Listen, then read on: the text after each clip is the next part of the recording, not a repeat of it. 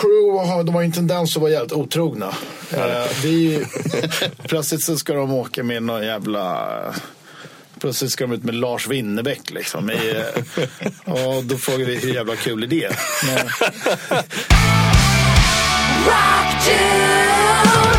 Ja, hej och välkommen gott folk och välkommen till ett nytt avsnitt av Rock Dudes.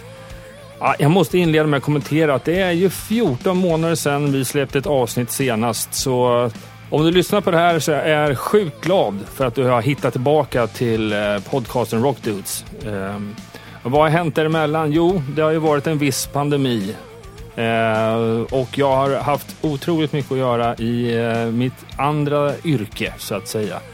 Men nu ska vi dra igång en helt ny säsong och eh, det var någonting som pandemin inte eh, satte stopp för och det var ju att jag kunde antingen via länk eller i vissa fall även kunna träffa gäster face to face. Och inledningsvis så ska vi börja med ett dubbelavsnitt. Ja, faktiskt.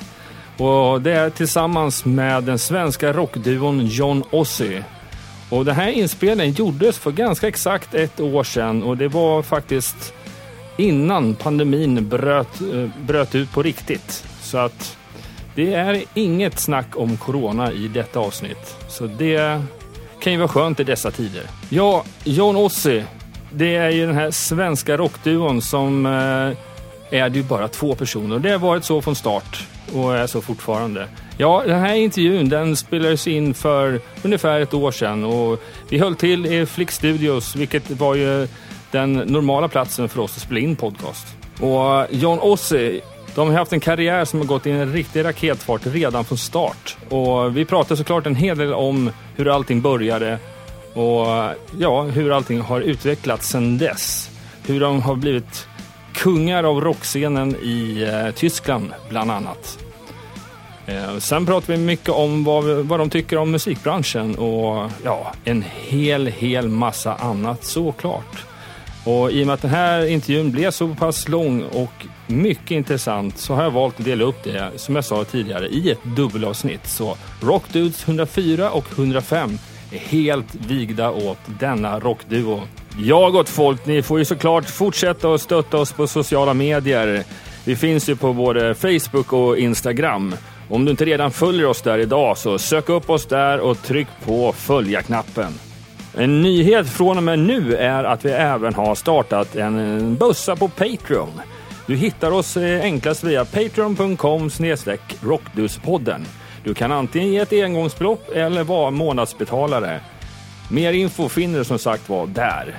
Jag vill redan nu tacka för alla bidrag som kommer in den vägen, för det kommer bara ge ännu större möjligheter för mig att utveckla Rockdudes podcast. Tack kära lyssnare för att du har sån tålamod. Men eh, vad ska man säga? Det kan bli lite längre intro när man har varit borta ett tag. Men nu, nu ska vi gå över till del ett av detta dubbelavsnitt med John Ossie. Hur är läget med er idag? det är bra. Det är bra. Vi hade lite missöde. Tappade bort lite nycklar till replokal och sånt där. Men allting har ordnat sig nu. Allting, ska, ska, eh, allting löser sig till slut. Ja, vi skulle ju sitta i er, er replokal och gjort den här inspelningen. Men vi förflyttar oss till Flickstudios som jag brukar spela in i. Så ja, här, var det, här var det finare. Nästa gång får bli repan. Ja, ja exakt. Eh, jo. Eh, ni är på gång med ny platta och vi kommer att prata en del om det såklart i podden också. Eh, men ni är mitt inne i en stressig fas antar jag inför att den ska släppas och ni ska se det mer ut på vägarna igen. Eh, men berätta, vad är det ni pysslar med just nu? Alltså det är, det är en stressig fas, men det är ändå en ganska smärtfri fas. För att, okay. alltså, vi ser det ju verkligen som att vi, albumet är klart. Mm. Och det är, det är ju bara det är en stor, eh, det är en stor, en stor eh, tyngd som är borta. Um, vad är det som är tyngden? Nej, alltså att, vi, att skapa albumet. Ja. Alltså själva låtskriveriet och inspelningen, att det är nu faktiskt att vi är klara med det. Mm, Eh, så vi ser det ju som att vi, vi är ganska lättade nu med att vi, att vi lyckades göra det en gång till. Det, det vet man ju liksom inte. Nej. Så att eh, det vi gör just nu, de här, nu är det väldigt intensiva dagar med att göra sånt här. Att sitta och snacka med trevliga människor som dig. Ja, gud vad trevligt. Eller vi, får, vi vet inte om du är trevlig än. Det märker vi när vi är klara med det här. Eh, men du verkar trevlig. Ja, jag försöker ge gott intryck till en början. Till en början. Eh, så det är mest, och det är ganska lättsamt. Det är mera... Du vet, vi sitter ju bara och snackar. Ja. Eh, så man behöver inte göra så mycket. Sen är det, men det vi, som, det vi jobbar mest med nu, nu håller vi på att förbereda inför att börja turnera. Mm. Så vi, eh, alla luckor vi har mellan sånt här, är, då, det måste vi lägga på repa nu bara. Eh, så vi, det, ja, men det har vi ändå avsatt två veckor till i varje fall innan vi sticker ut om en månad. Mm. Så ska vi eh, gå in, gå in stenhårt i, i repandet och, och göra, sätta upp en fet setlist. Ja, just det. Men vad... Alltså, 14 dagar kan ju vara allt från jättemycket till jättelite. Det- Det är beroende på. Men vad, är- hur långa sessions har ni varje Ja, dag? men det, är, alltså, det är väl lite det att vi försöker inte ha för långa sessions heller. För att, eh, Alltså rep, rep sessions.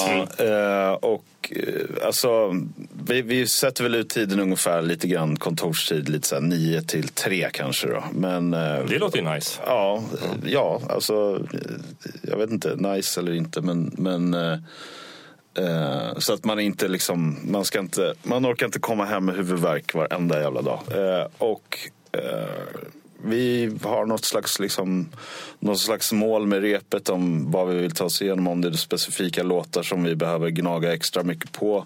Om det är några passager, om vi vill göra någonting extra, om vi vill arrangera om någonting och sånt där. Så det är, och sen så, som John sa med setlisten, det är väl den som egentligen är det viktigaste att få ihop någonting eh, bra. Liksom som, som man ska kunna utgå ifrån och kanske i vissa fall kunna göra små ändringar i också under turnén.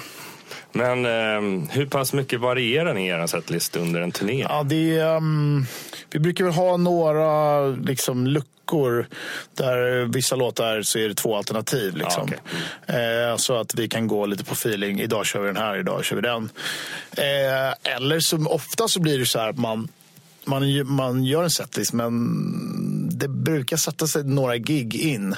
Man brukar alltid kasta om ganska mycket i början. För man vet ju aldrig hur det känns förrän man har spelat liksom inför en publik. Så kommer man ju på nya idéer. Men det brukar ju vara ganska satt eh, efter eh, ja, några gig in. Och så gör man lite olika variationer. Sen när man har kört ett tag eh, då så börjar man tröttna kanske på vissa passager. Så då gör man om det igen.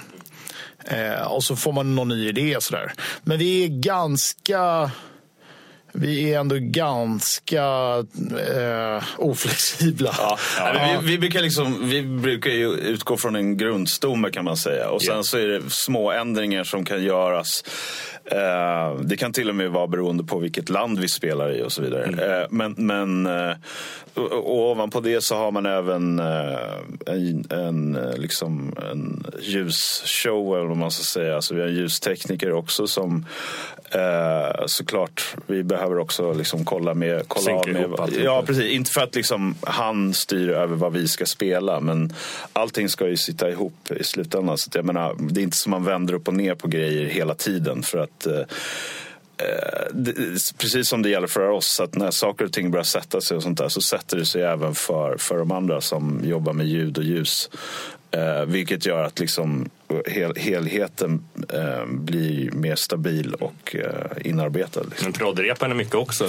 Ja, det gör vi, det gör vi alltid. Liksom i, precis i anslutning till att vi sticker ut. Så kör vi proddrep i, i två, två, tre dagar.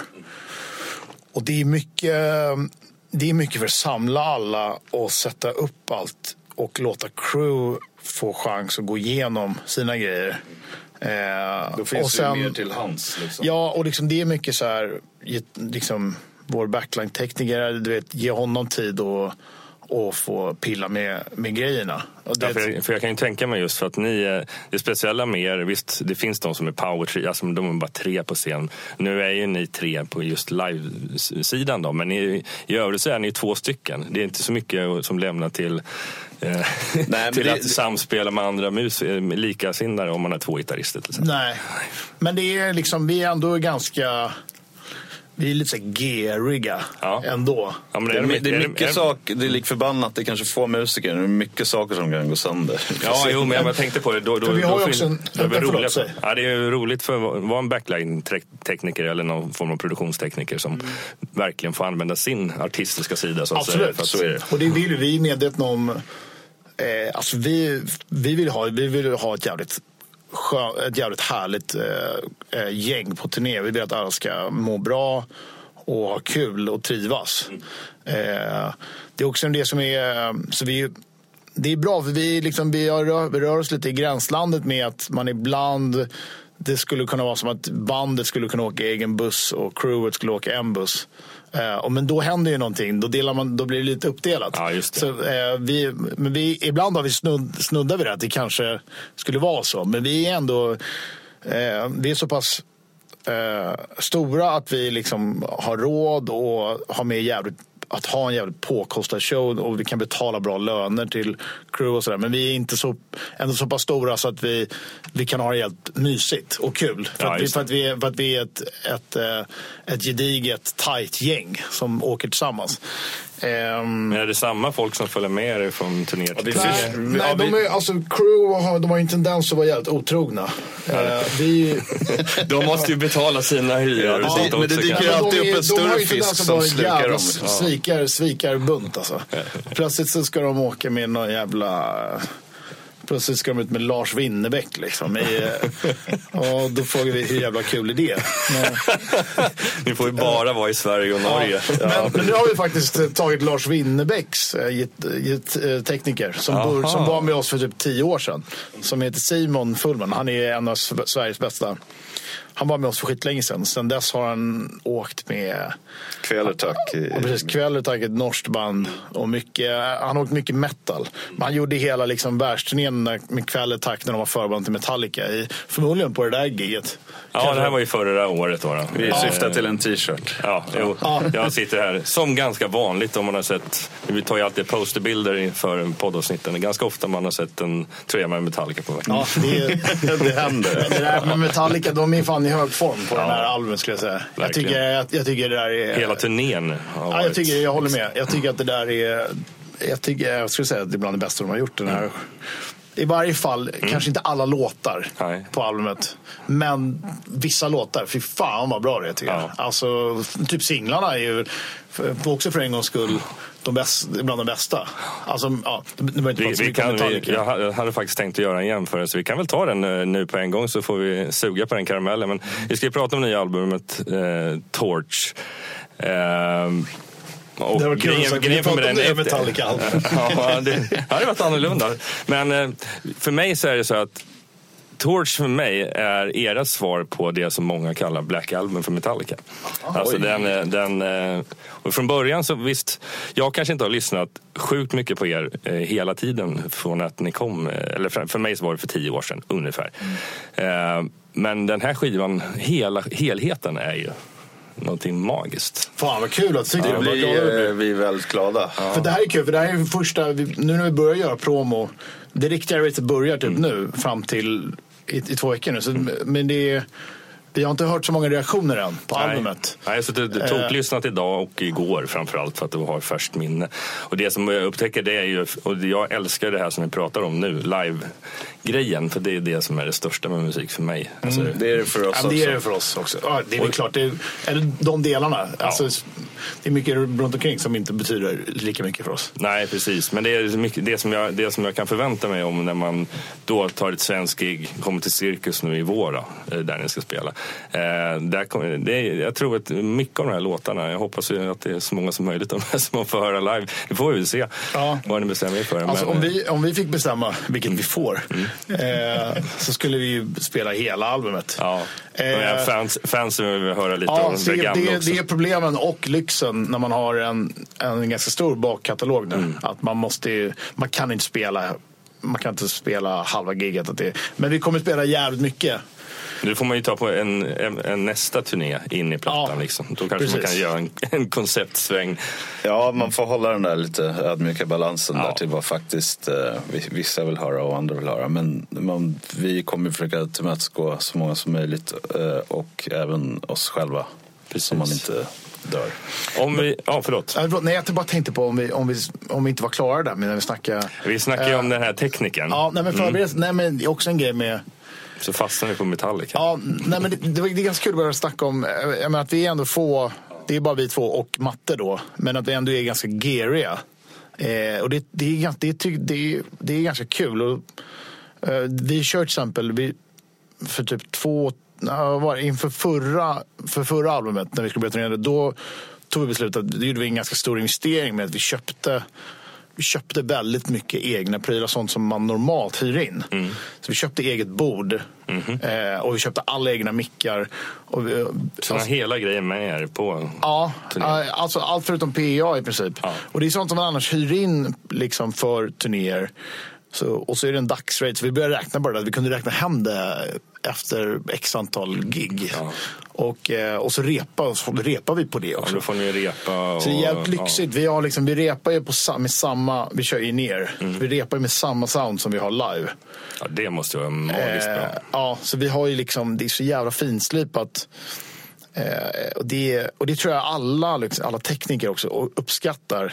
Att det finns en, det finns en, en höjd på det. Mm. Som, för att många tekniker är ju jävligt intresserade av gear. Det faller sig naturligt.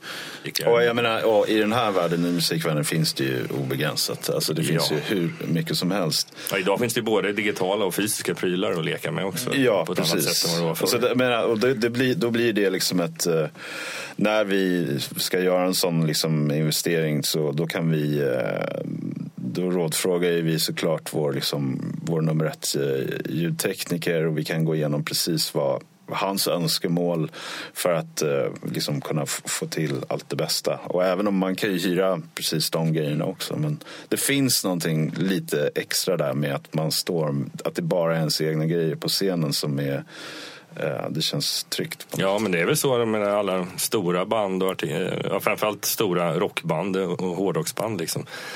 Där är det väl verkligen så att de har ju... Ja, precis. Men man kanske inte köper. Man kanske har ändå, du vet, alltså när det kommer upp en sån nivå, då tror jag nog att det är, man hyr in. Ja. Att det finns ingen anledning att köpa det. För att man vill, ändå, man vill ha det senaste för nästa turné.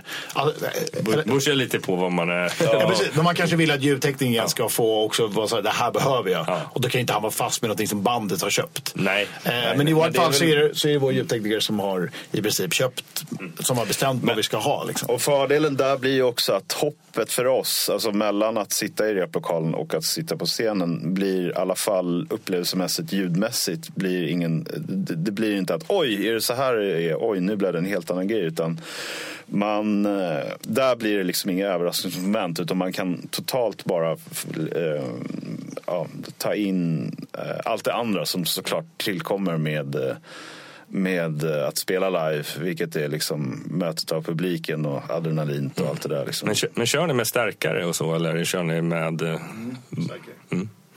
Så att det låter i alla fall i, er replokal, mer? bortsett från trummor Ja, som alltid låter. Men, Ja, men de står ju i, eh, i inte isoboxar, men nej. väldigt isolerade. Så där, du bara, där du kan lyfta bort fronten. Mm. För så, då blir det helt öppet. Men de är på hjul så allt är liksom i- integ- interagerat. Allt är Integrerat. Integrerat. Med, mm, så det sitter där. Eh, Alltså, vilket gör, det är väldigt, framförallt på festivaler så är det, alltså där gäller det att ha en, en bra, enkel men liksom snabb setup. Och vi har verkligen, vi bara rullar fram skiten, allt är mickat och klart. Vårt bord, vi bara kopplar in, vi har ju med oss egna, vi har ju med oss egna liksom dock. Ja, ja, ja. Du vet, så vi bara, det var pang, pang, pang. Så bara, så ofta så liksom rundar vi festivalens egna, vi bara använder PA. Mm. Men du vet, alltså om, ni, om ni kollar, om ni, skulle, om ni är lite nördiga så kan ni, kan ni kolla på våra, gå fram till och kolla på ljudteknikern istället för bandet under gig. Så står han där med vårt, vårt lilla bord och det, det är liksom ställets bord, det, det, rör- det rör vi inte. Nej. Nej, men det, det, det ska vara en trygghet också i arbetet. Ja, Ja, men det blir en alltså trygghet för att man- alla. Ja, men att man liksom vet att man, eh, de verktygen man har med sig, att de fungerar i alla fall. Så man, för det så, då kan man fokusera på att bara leverera så hårt som möjligt. Precis. Nu ska vi göra ett litet avhopp här, för jag vill ju veta vilka eh, ni är. Ni är bara... Ja, ni, det skiljer tre år mellan er. Eh, och jag är född 75, så jag är lite äldre än vad ni är. Men eh, det är ungefär samma era ändå. Ni träffades ju väldigt tidigt. Eh, eller ja, väldigt och väldigt. Det var inte kanske på lekis direkt, men eh, det, kändes ändå som relativt tidigt. Jo, men det, vi, precis. Eh, Jag ska säga att vi liksom, man ska säga att vi, vi liksom visste av varandra. Vi, min, för att förklara lite enkelt, så min bästa polare hade en lillebror som var... Har en lillebror. Ja, ja okej, men eh, han har ju det fortfarande. Har en lillebror. Eh, som då var liksom bästa kompis med John. Så det fanns liksom en connection mellan oss där. Men eh, vi, i den åldern, då säger John var 13 och jag 16. Den åldersskillnaden är ganska stor. Den är gigantisk. Den är, den är liksom. en, enorm. Så att, eh, som, som det var så delade vi, eh, vi hade replokaler vägg i vägg och John spelade i, i eh, ett band och jag spelade i ett band. Eh, vi visste om varandra på, på den vägen, liksom, så vi hade många gemensamma liksom, bekanta och så vidare. Eh, men sen, senare eh, så minskar den åldersskillnaden ju äldre man blir. Och eh, där runt när John kanske var 19 och jag 22 så eh, började vi eh, ja, umgås mer intensivt. Och eh, vi fann varandra på, på, liksom, på ganska många plan. Så det här var någonstans runt millennieskiftet, eller lite före det? Ja, lite, lite precis där, där någonstans. Och vi, vi- hade, vi, liksom, vi förde väl någon slags lös diskussion om att vi eh, ja, borde kanske hitta på någonting musik, musikaliskt tillsammans. John sjöng och spelade gitarr. Eh, jag spelade trummor och vi babblade om det där. Fast vi var inte aktiva i andra band. Och så. Nej, men John, okej förlåt. John kunde spela gitarr och han kunde sjunga och jag kunde eh, spela trummor. Eh, jag flängde runt lite i olika band, så där, spelade med, liksom, med kompisar. Och Vilken typ av musik? Ja, men det, var, jag, det var det som var grejen. Jag spelade i väldigt många olika Ja. eh, typer. Alltså jag spelade allt från lite så storbandsaktigt till pop, rock, Ja. eh, liksom lite så grunge, slö, flum eh, och liksom alltså allting. Eh, vilket jag tyckte var ganska härligt för att det gjorde att man fick liksom en lite inblick i all, all möjlig. Och jag tror att det har präglat också eh, liksom var, varifrån vi kommer, de banden som John spelade med, de banden som jag spelade de har ju liksom på något sätt smälts ner våra sätt att liksom Alltså som inte smälts ner i någon bägare och prä, präglat såklart hur vi spelar och hur vi tänker musik och med samspel och arrangemang och allt sånt där. Ja, för Eh, det känns ju så sabla viktigt för just liksom att ni har valt att inte vara fler i bandet heller. Nej, liksom. det ju... och, och det, det var väl liksom Det fanns ju någon tanke in, inledningsvis där när vi väl eh, kom igång och hittade, liksom, hittade varandra musikaliskt också. Eh, så fanns det nog kanske någon tanke med att ja, men och sen så ska vi väl ha en basist också. Ja, det. Men det föll sig så att det, jag och John hamnade ju liksom själva i replokalen och eh, innan dess hade John skrivit några låtar ganska enkelt med, med liksom en akustisk gitarr. Eh, och jag kommer ihåg när han kom till min, hem till min lägenhet så spelade jag upp dem. Och bara, ah, men det här och frågade om ja, men jag kunde hjälpa till bara med någon percussion. Liksom, skulle spela in det.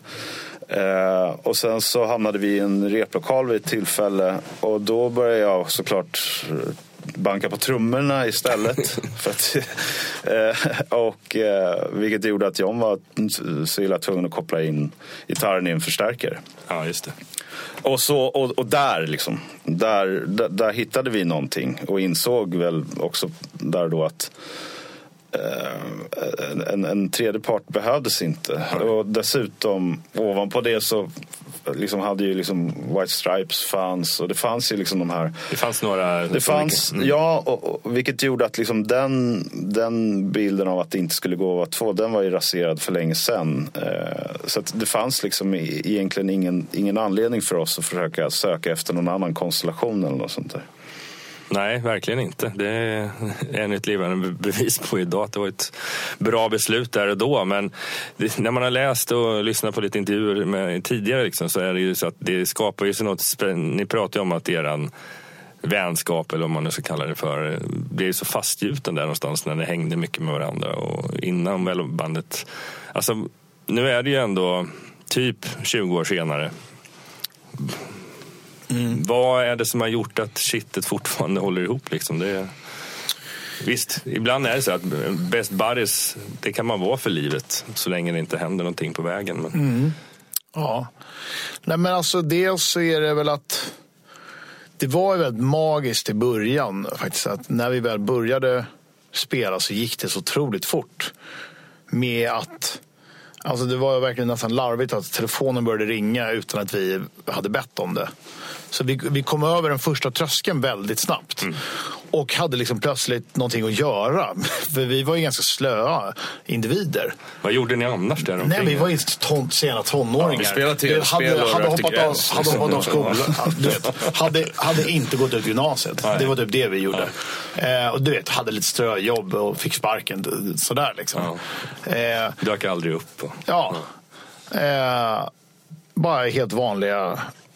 Jag var väl en helt vanlig 19-åring utan så mycket ambitioner. Nej. Men det får man ju vara när man är 19, vad fan. Eh, och så, ehm, men så var det, det, det liksom väldigt snabbt tog upp, tog upp all vår tid. För att vi fick åka på, eller ja, vi, fick, vi blev liksom erbjudna på turné väldigt snabbt. Och sen så, och så liksom, eh, var det några som bekostade att vi skulle spela in ett album. Och det, bara, det flöt på i början, så vi kom över liksom den första tröskeln. Eh, Egentligen utan att ha bett om det. Nej. Men eh, vi tackade och tog emot. Och det funkade, det funkade bra. Liksom. Och sen har det, sen bara rull, har det bara rullat på, verkligen. Framförallt om, jag kan säga mellan kanske 2000, alltså vi släppte först, så vi bildades sent 2003 var första gången vi spelade upp. Och sen under 2004, bara några månader efter, så åkte vi på turné med Soundtrack of Our Lives. ja, precis. Eh, en ganska lång turné, liksom, Skandinavien. Det var ju i alla fall över 30 gig tror jag. Och det var ju liksom, du vet, vi kastades in i det. Vi hade, så, men det var ett perfekt liksom, liveskola för oss. Eh, och då hade vi inte släppt, någon, då hade vi inte släppt någonting än. Vi släppte vi en singel, första singeln under den turnén. Och sen så, liksom ett halvår senare släpptes albumet. Och så fick vi direkt liksom, fnurr i Tyskland. Ja, för, det, för det är väl det som är nästan er stora marknad. Ja, det ja. Så då var det plötsligt kunde vi bara fortsätta turnera för då hade vi samtidigt som Sverige. Och har du i varje fall två länder som du kan... Och, Ja, och Tyskland är inte så litet heller. Nej, så nej. Det är gigantiskt. Ja. Och där kan du turnera hur mycket som helst. Särskilt om du gör det på den nivån vi gjorde då. Om du gör det på en punknivå. Då är det ju bara att ta alla gig. Så vi kunde, kunde vi vara ute hela tiden. Och sen samtidigt någonstans där också. Då fick jag erbjudande av Håkan Hellström att börja spela med honom. Mhm. Just av en, bara av en slump för att han var på soundtrack-gigget. Ja. Och såg oss öppna. Som var, vårt, som var första gigget på, på den turnén. Så det är egentligen, det, för mig var det ganska, ganska chockartat att ett halvår tidigare typ så hade jag kanske inte jättemycket planer på att hålla på med musik. Nej. Och så soundtrack-giget, det var vårt fjärde gig någonsin. Och samtidigt efter det giget så blev jag erbjuden att spela gitarr med Håkan Hellström. eh, du vet, det, det, det var nästan så här, vet, allt, allt verkligen bara sköljde över en. Ja. Det, var, det, var, det var lite larvigt faktiskt. Så, så jag gjorde det parallellt så länge det funkade. Det höll i ungefär två år tills, två år tills det inte gick längre. Att Jonossi tog, alltså schemana, det, det gick, våra scheman gick inte ihop liksom. Nej. Så då, då sa jag upp mig där. Men jo, men för att svara på din fråga är väl att det, åren bara rullade så ska jag säga mellan, 2000, mellan 2004 och i varje fall 2012 kanske efter Mavericks. Där någonstans, så det bara rullade, det gick så jävla fort. Det var bara, vi bara giggade och hade kul. Det var mycket attention. Så jag ser ju mest det som händer i Sverige såklart. Men det har alltid varit ett band som har varit ganska breda rent medialt eller radiomässigt så att säga. Så att ni var ju med både på en typ som Bandit och på Sveriges Radio och så vidare. Liksom. Ja. Så ja, det var mycket en hype, hype där omkring. ja, det är svårt att se det där. Eh, liksom. Er, det är svårt för er att se det kanske. Ja, och jag, jag ser inte riktigt någon anledning till att man det själv. Man behöver inte göra det. Nej.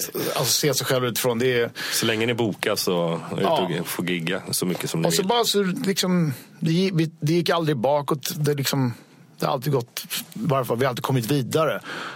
Eh, så det, jag kan säga plötsligt hade det gått tio år. Och det är väl först nu, kanske från förra albumet, som vi börjar så här, fan nu har vi ändå hållit på ett tag.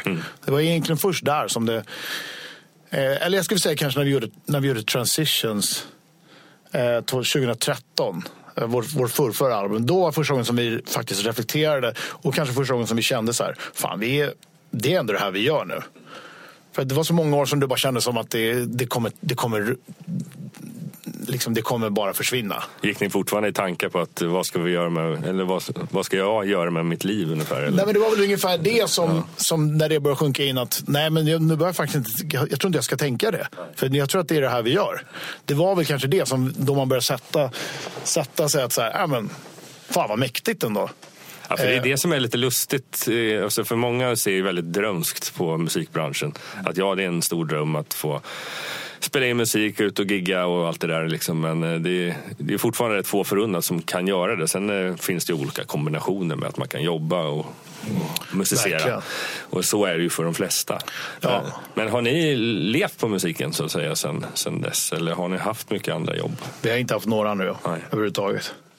Eh, där, vi har levt på det. Sen har det ju varit, eh, går det ju perioder när man... Alltså, det går ju... Mera yrken, det finns ju aldrig någon månadslön. Nej. Eh, det kan man ju... Lever man på klump, alltså får man klumpsummor? Eller Ja, alltså på ett sätt så jo, visst, man kan ju göra för sig själv att det blir månadslön. Eh, men det går ju långa perioder där det är torka. Framförallt när du... Eh, om du tar, alltså vi är ändå ett så pass, så pass band att vi, eh, och det tror jag har varit väldigt bra för oss. Vi har det bekvämt, vi tjänar, vi lever på det. Vi lever inte i överflöd liksom. Men eh, vi, det funkar. Men det funkar inte, vi, det, vi kommer alltid till en punkt där att eh, när vi har turnerat klart på ett album så kommer vi till en ekonomisk punkt där, det är så här, där vi också så här, ja, ska vi, nu måste vi faktiskt jobba lite. Eh, för, för att kunna, om vi ska fortsätta ha det här som, som levebröd också. Och det, det har varit jävligt bra tror jag. För då, har man, då, då, har man, då får man in den ekvationen också. Jag tror att det, det, det kan nog vara ganska enkelt att köra en väldigt lång semester efter turné. Om man, om, man, om, man skulle, om man skulle ha råd med det. Om man skulle ha, det, ha hur mycket pengar som helst. Och då måste man ju kanske ständigt hitta den kreativa kraften i att så här, i, ja, men varför, varför gör jag det här? Liksom, eh, men jag tror för oss är det nog bra att kunna ha lite olika piskor från höger och vänster som ändå får oss att och, Oh ja, och liksom inse eh, hur jävla grymt vi har det. Men också någonting som att eh, komma vidare. Men, eh, oh, gud jag pladdrar. Jag har en... en, en ehm, I och med att eh, ni beskriver det som att ni kastades in i det här. Ni var inte, ni var inte riktigt... eh, Det, var inte, ja, det blev inte mer att ni jobbade in er för att bli John Ossie och jobba med musik. Men vad har det gjort med er? Och det dröjde ändå en stund som du sa innan ni väl fattade att ja, men det här är nog fan vårt jobb. Eh, Alltså det var ju, det var ju ett jävligt var det bara en galen resa? Ja, vi är jävligt tacksamma att vi, att vi kom över den första tröskeln så snabbt. För jag vet inte hur pass, eh, ot, hur pass tåliga vi hade varit. Jag vet inte hur länge, hur kul vi hade tyckt det bara skulle vara att repa i fyra år. Nej. Innan, vi skulle, innan någon skulle bry sig. Eh, så det är ju grymt att det hände. Och sen, men den här första tröskeln är ju bara det är verkligen bara den första tröskeln. Sen ju, har vi ju jobbat stenhårt och gör, jobbar hårdare än någonsin för varje Men någonstans måste ni haft någonting som appellerar på folk. Folk Ja, gillade Men det jag, tror, jag, tror, jag tror också det var en så stor, just att vi fick möjligheten att kunna börja spela mycket live ganska direkt. Det blev ju inledningsvis var det ju liksom som en skola och och vi förstod också att det är här som det är här vi trivs. Eh, det är här, här, kan vi liksom, här kan vi verkligen göra någonting. Och vi eh, tog det på ganska stort allvar direkt. Ja. Alltså vi var ganska vi var noga med just våra liveframträdanden. Att vi, vi skulle ge ifrån oss allt vi bara hade. Vi skulle vara väl förberedda. Vi skulle vara liksom, så där, där var det ju mycket, liksom, vi la ner mycket tid på det. Samtidigt som vi hamnade i situationer där vi lärde oss mycket hela tiden. Liksom. Ni fick, hade ni chansen att få hjälp av andra under tiden? Alltså, ja, kanske inte var så mycket handfast hjälp men man hamnade i situationer där man kunde titta på nära håll ja. på andra band. Man kunde förstå liksom sammanhang, man kunde Uh, vi, vi, och, och, och, och, ha den möjligheten att göra det i den miljön snarare än i den miljön som man kanske gör i replokalen och spela liksom på Tre backar uh, en gång var tredje månad. Mm. Uh, gör ju enorm skillnad såklart. Så det, var, det, var liksom, det var där vi, vi fick möjligheten att nästan forma oss på en, en livescen inför publik. Liksom. Ja, eh, som ni sa, det dröjer ett halvår in i live-giggandet innan ja, du släppte första plattan. Och, det, och så han vill liksom inte... Det var in, vi hann liksom aldrig bli fuckade av nederlag från musikbranschen. Nej, vi har ju haft såklart våra, liksom, våra små... små våra törnar hur mycket våra som helst. Så, det, har, det, ska, det är viktigt att veta att det, det, har, det har alla alla band. Och har man inte haft det så har man det framför sig. Alltså det, är, det är nästan som att det är en, det är en som en skriver regel. Att man, ska, man, man måste få lite motgångar. Och det har varit liksom situationer där John och jag sitter och tittar på varandra och liksom bara, vad, vad gör vi nu? Ska vi bara lägga ner det? Och eh, även om det var länge sedan så eh, när man tar sig ur sådana såna grejer så sätter det också ytterligare en prägel på att nej, vi ska fan, och, och eh, vi ska fan liksom, vi ska köta på och vi, eh, vi är bäst liksom. Mm. Så att det blir och där har vi också den här grejen med, med att vi har varit två där har vi liksom enats lite grann i det här.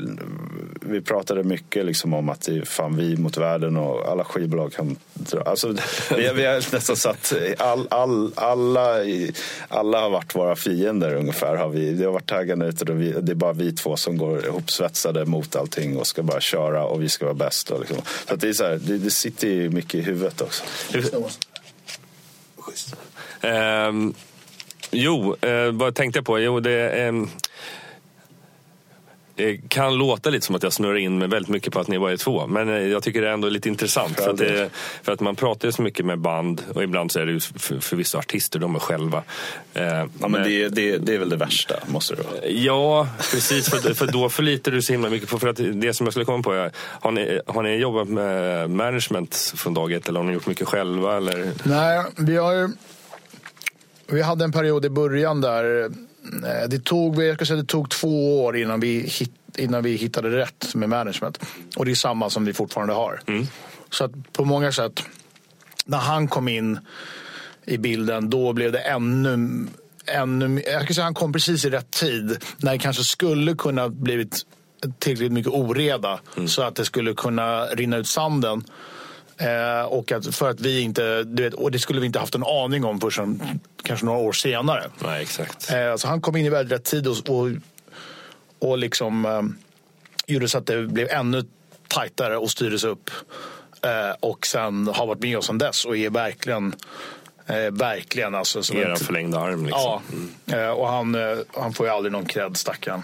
Filip Wilén heter ja, han. Ja, jag tänkte fråga. Ja. Vad heter han? ja, han är jävla, alltså, han är, han är jävla eldsjäl. Ja, nej, han, är, han kan ju gå... Det är den här, om, om inte vanligt tjänar pengar så tjänar inte management någon pengar. Nej. Skivbolag kan ju fortfarande tjäna pengar. Ja, för det är det jag kommer till. För att är, man har träffat ett antal band som ändå varit eh, lovande och de har ju kommit en bra bit på vägen idag. Men en del har ju just, just gjort det där styrt sig själva väldigt mycket från början. Så har de kanske då signat avtal, olika typer av skivkontrakt och så vidare. Och sen så sitter de fast i sådana här mm. riktiga skräpavtal. Mm, som gör hemskt. att de egentligen skulle ha tjänat pengar snabbare in i processen än vad de har gjort. Mm. Och det är sånt som jag tycker det är ett... eh, Alltså det finns ju falluckor, hur mycket falluckor som helst. Ja, alla, ska ju, alla tänker bara på sig själva i, alla led liksom någonstans. Ja. Jag ska tjäna så mycket pengar som möjligt. Jättebra om John Ossie, de är jättestora, känt varumärke och bla bla bla. Liksom, det ska vi tjäna pengar på. Istället för att jag är mera, jag har inte jobbat jättemycket med de här, men bitvis har jag gjort lite av de här bitarna. Lite management och framförallt att bara vara rådgivare någonstans. Liksom. Men det är mera det här som ni säger, att era manager är lite mer av en eldsjäl. Och äh, att samarbeta. Att för vissa, framförallt om man är management, för det har vi också hört talas om. Managers som screwar sin klient. Liksom. Jo men där är också så viktigt med, med, alltså, med en personkemi och att förstå eh, vad, vad den här, för att jag menar, det är den man kommer faktiskt jobba närmast med eh, om man då, under den långa eller korta karriär man har, där man väljer.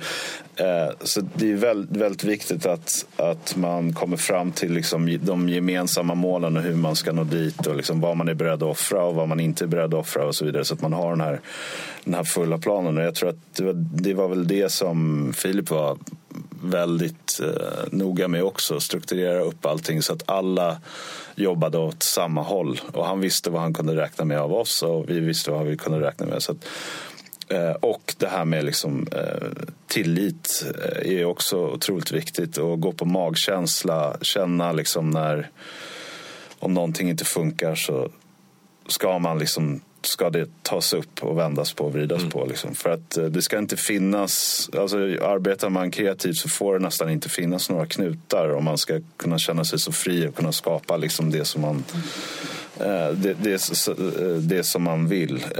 Så, att, så att det samarbetet är enormt viktigt. Och jag kan nog tänka mig att det är många band som inte kanske når till nästa steg på grund av att det samarbetet kanske finns men det finns liksom men, men det lirar inte eller så eh, är det väldigt, eh, kan man ha svårt att hitta någon överhuvudtaget som, som kan jobba på det Men sättet. för, men för nu också som, det, som branschen ser ut nu eh, och det skulle jag, som det har liksom vuxit sig till de senaste 20 åren kanske så är det ju Alltså vi kommer ju ändå från en barndom där, där, där rockstjärnor var rockstjärnor och det fanns något magiskt med att kunna liksom ropa ut i världen att vi, vi har blivit signade. Liksom. Det här med skivkontrakt var ju... Vi kom, vi kom ju ändå från den barndoms så var det när vi växte upp. Och så var det ju mycket där. Rockstjärnor fick ju vara rockstjärnor. Och du, eh, eh, nu måste ju alla som håller på med kreativa yrken också vara en- entreprenörer. Ja, exakt. Eh, eh, för att kunna ta dig fram. För ingen, det där som, bara för att nu måste du tampas med så många fler kanaler än vad du behövde göra på 80-talet. Eh, Ja, då, kunde, då räckte det med att du kunde din sak och spela musik. Liksom. Ja, och, och, och så, var, och så var det så här, liksom, hela grejen låg i... Eh, skivbolagen hade... Du, det, var, det var kanalen ut. Liksom. Eh, de, de, de stod för den stora investeringen och sen så, var det här, så fanns det de här fem, sex kanalerna för att lansera en artist. Och då var det ju bara... Man, så köpte du in, du köpte en reklamplats, alltså om jag hårdrar det nu, för att komma ut på, i de kanalerna. Du spelade de här få tv-programmen, du, gjorde, du, du fick den där intervjun och det där. Sen, var det, sen fick du den där tidningsgrejen, sen fanns det inte så mycket mer. Nu är, du vet, nu är det High Chaparral nu med tusentals olika sätt att göra saker och ting på. Eh, och eh, alla är liksom sin egen dräng. Eh, my, mycket mera. Ja. Ja, men du kan ju komma extremt långt med bara en mobiltelefon idag. Som Ja. Inte alls gick på 80 Men Vilket gör att 90-talet. allting är så jävla mycket mer, och det är så osexigt nu. För att Ja. rock, eh, rockstjärnor och popstjärnor ska ju få vara popstjärnor. De ska inte behöva vara eh, liksom proffs på sociala medier också. Nej. Det, det är ju det är så töntigt liksom, att det ska behöva vara så. Men där, därför, Eh, och- därför så är jag lite intresserad. Men när jag pratat om, ni har ju Filip, era manager. Eh, ni är såklart signade på skivbolag. Men, eh, och sen har vi pratat lite i stort om ert team runt live-giggen. Liksom. Men, men om man, vad finns det mer som är lite fasta punkter? Eller är det just att vad är skivbolag för er idag så att säga? För ni har ju ändå, sen ni släppte er första platta fram till idag, så har ni egentligen Ja, var, ni, ni har ju funnits så länge den här eh, digitala utvecklingen har. äntrats liksom alltid men det- på det- MySpace och framåt. Det är Liksom. kul för vi kom ju, när vi kom då var ju skivbranschen i den absoluta största Djupaste, krisen. ja. Det signades ju ingenting. Det fanns ju, det som signades fanns inga pengar liksom. Så det fanns ju ing- ingenting. Eh, så vi, vi kom ju precis i glappet där eh, det inte såldes några album, men det var ändå det som räknades. Och vi såg ju bara på två år hur liksom gränsen för om man skulle få en guldskiva sänktes med så här, 10 000 varje år. Ja, exakt. Eh, men det var ändå det, det var det enda som fanns. Eh, jag kommer ihåg våra första skiv, skivkontrakt så var det så här, eh, det fanns en klausul som hette digital försäljning. Eh, bara Den bara stod där, eller? vill säga 50-50 kör vi, delar vi på det. Du vet, det var fortfarande så, så det var i sin linda 2005. Medan nu är det ju snarare tvärtom. Att det står en liten klausul, fysisk försäljning. Ja, exakt. Och den är, Ja. den är väl nästan till största del det man säljer när man är ute och, och spelar många gånger också för många. Precis, med undantag från vissa länder som, Ja. som, som laggar efter. Där är fortfarande... Eh, så vi har ju varit med på hela den resan. Också samtidigt när Spotify kom och så här, alltså vi har ju, eh, och man börjar höra om alla gamla rävar som var så jävla bittra för att de inte tjänar pengar. För oss har det varit så här, ah, äntligen en inkomst Äntligen någonstans som man får betalt för musiken också. Även fast det inte var mycket. Men så, så, det ändå, alltså vi har ju bara välkomnat eh, allting. Ja, ja. Och, men samtidigt aldrig haft några förväntningar på att tjäna musik på, eller tjäna pengar på att sälja musiken. Nej. Ehm, så det, var, det, det har i alla fall varit intressant och, och liksom genomlevt hela eh, liksom sju, sju eller 15 svåra år i en, i en bransch. Och, sen, och sen se hur, eh, hur skivbranschen är nu. Så nu är den ju helt, nu, nu blom, blomstrar det ju. Nu tjänar de hur mycket, hur mycket pengar som helst. Samtidigt har vi alltid, vi har alltid varit utanför och bara, och bara, och bara sett på ändå under hela processen. Liksom.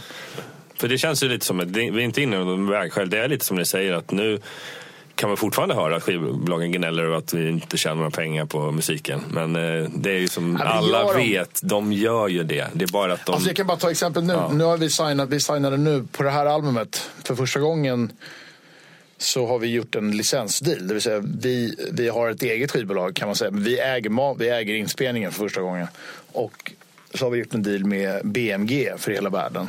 Eh, där vi signade lokalt i Tyskland. Så vi utgår från Berlin nu. Det är vårt det är våra skivbolags eh, representant så att säga, Ja, sitter vår där. bas är i Berlin, inte i Stockholm. Förut har det alltid varit Universal i Stockholm som vi, liksom, som vi jobbar med. Mm. Nu jobbar vi från Berlin till, och som vi gör grejer till Sverige så går det via Berlin. Liksom.